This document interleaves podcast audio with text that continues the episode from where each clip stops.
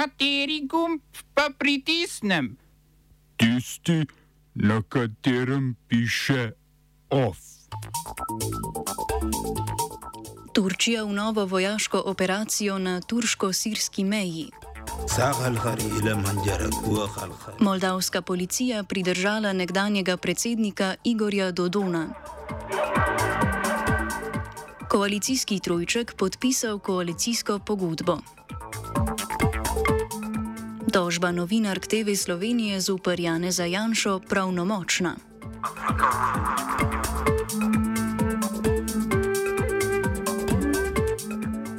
V Tokiu danes poteka srečanje držav članic partnerstva Kvot oziroma kvadrilateralnega varnostnega dialoga, v katerem sodelujejo ZDA, Avstralija, Indija in Japonska.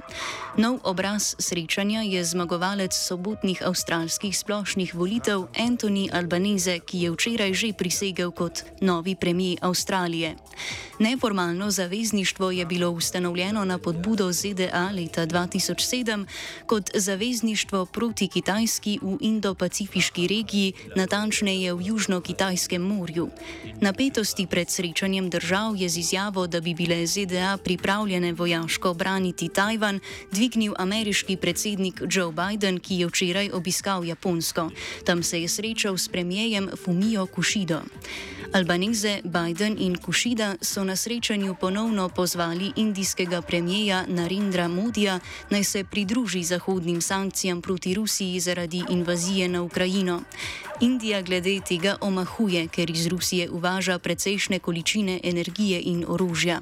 V sklepni izjavi za javnost so voditelji držav partneric napovedali, da bodo v naslednjih petih letih projektom za razvoj digitalnih te tehnologij, za izboljšanje odpornosti oskrbovalnih verig in za pomorsko varnost v regiji namenili 46 milijard evrov.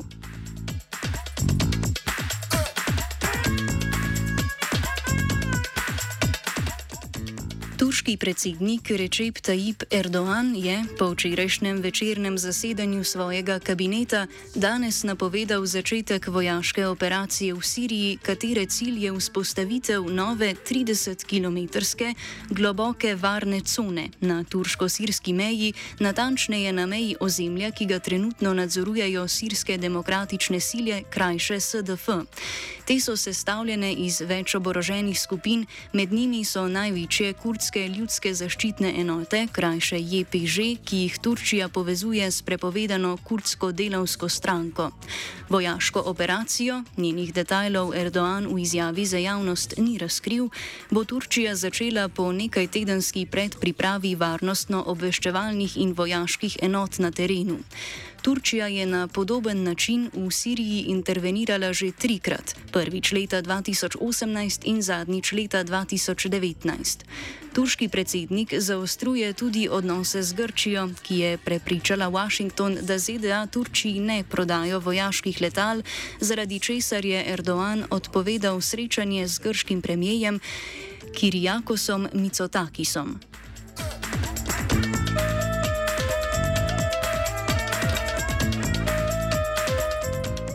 Spletna platforma za oddajanje stanovanj Airbnb bo poleti ustavila svoje storitve na kitajskem.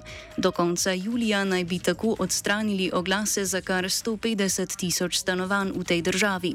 Za potezo so se odločili zaradi zapletenega postopka oddajanja stanovanj na kitajskem. Podatki o gostih morajo biti namreč v skladu z lokalnimi zakoni in predpisi poslani kitajski vladi. Airbnb je leta 2017 svojo platformo na kitajskem preimenoval v IB Ying, kar v mandarinščini pomeni pozdrav z ljubeznijo. Podjetje se je spopadlo tudi z močno konkurenco domačih kitajskih platform za najem stanovanj in na kitajskem trgu v zadnjih dveh letih ustvarilo manj kot odstotek svojega celotnega prihodka.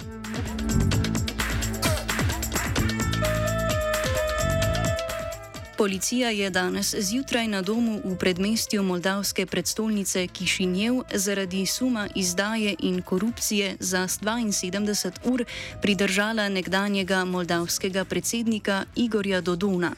Po informacijah tiskovne predstavnice državnega toživstva Marijan Čijorpek, Dodona preizkujejo, ker njegovo stranko domnevno financira kriminalna organizacija ter zaradi pasivne korupcije in protipravnega bogatenja.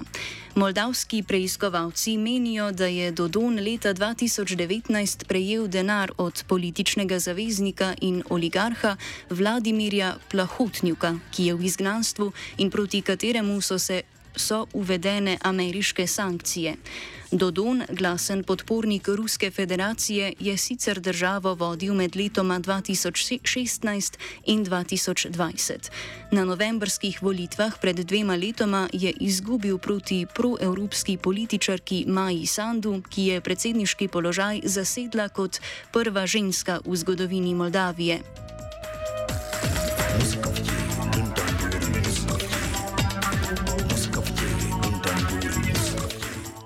Finančni ministri držav članic Evropske unije danes v Bruslu razpravljalo o gospodarskih in finančnih posledicah sankcij proti Rusiji zaradi njene invazije na Ukrajino. EU je doslej sprejela pet paketov sankcij proti Moskvi.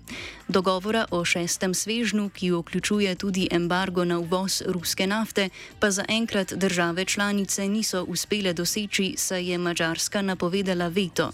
Mačarski premijer Viktor Orban je danes napovedal tudi, da nasprotuje odprtju debate o embargu na rusko nafto na naslednjem srečanju Evropskega sveta. Ministri so razpravljali še o predlogu Evropske komisije za dodatno makrofinančno pomoč Ukrajini v višini do 9 milijard evrov in o globalnem minimalnem davku na prihodke multinacionalk.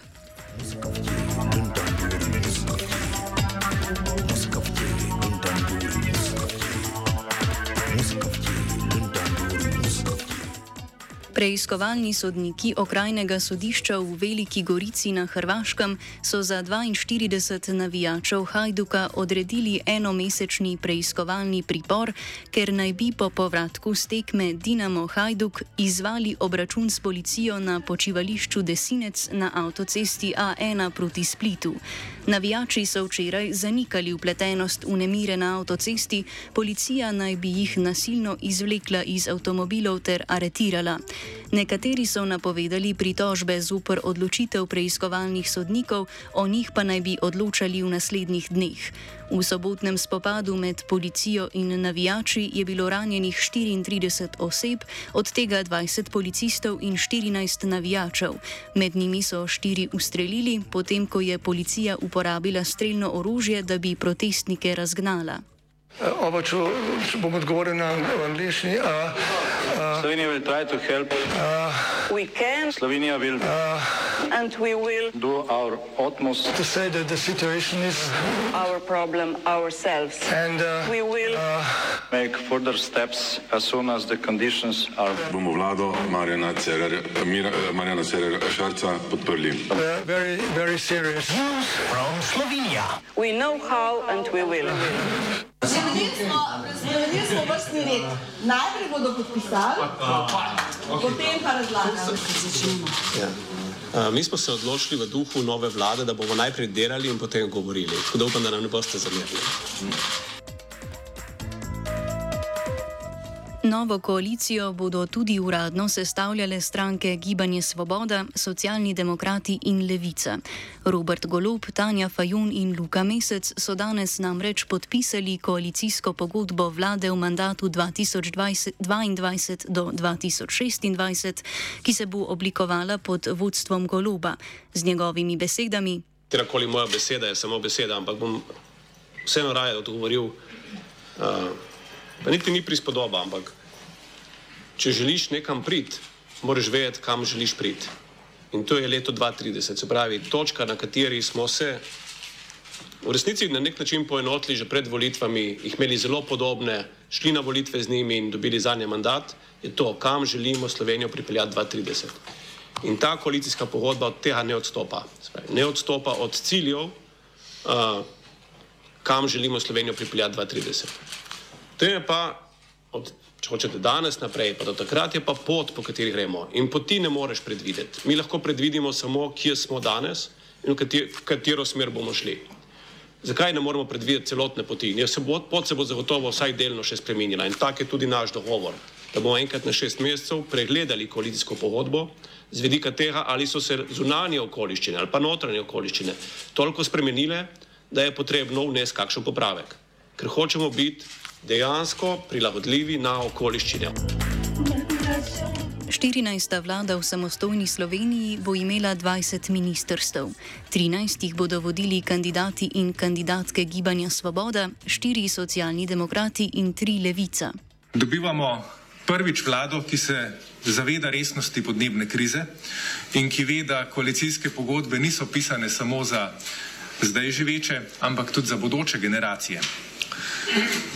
In dobivamo vlado, ki resorjev ni organizirala interesno, ampak jih je organizirala vsebinsko. Koalicijski trojček bo imel v državnem zboru podporo 53 poslancev, računajo pa lahko tudi na podporo obeh predstavnikov narodnih skupnosti.